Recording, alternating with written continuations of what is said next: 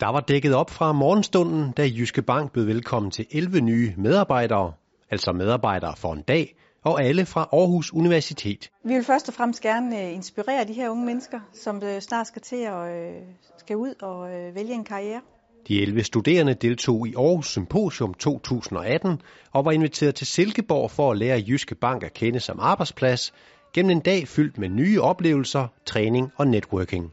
De studerende oplever Jyske Bank som en øh, forhåbentlig mulig arbejdsplads øh, med indsigt i noget en bid af vores forretning. De har fået medietræning, de har fået feedback øh, på deres CV og personlighedstest ved en HR-partner, og så får de en dejlig middag ude på Gamle Skovridergård øh, her i aften. Jeg synes, det var helt fantastisk, det engagement, der jeg har fået fra Jyske Bank. Altså, de har valgt at lave et custom-made program, og jeg har kommet rundt og snakket med fire vigtige individer i fire forskellige afdelinger.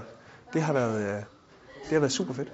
Det er tredje år i træk, at Jyske Bank er med som hovedpartner for Aarhus Symposium, som er en studenterdrevet organisation, som skaber kontakt mellem studerende og erhvervsliv. Hvor til professorerne selvfølgelig vil sige, at anomalier de kan ikke eksistere. Fordi Lise Marie Jensen var medvært for de studerende i år, og hun har et særligt forhold til Aarhus Symposium. I forbindelse med, at jeg var, selv var studerende og besøg herude i Jyske Bank, øh, til det at Jyske Bank, der øh, fik jeg nogle fede kontakter i Jyske Bank, der gjorde, at jeg havde nogen at skrive til også, øh, da jeg fik lyst til at få en praktikplads herude. Så det har det helt klart givet mig, og så gav det mig også en fed og inspirerende dag, der gav mig noget kendskab til Jyske Bank og gjorde mig interesseret i at få en praktikplads herude.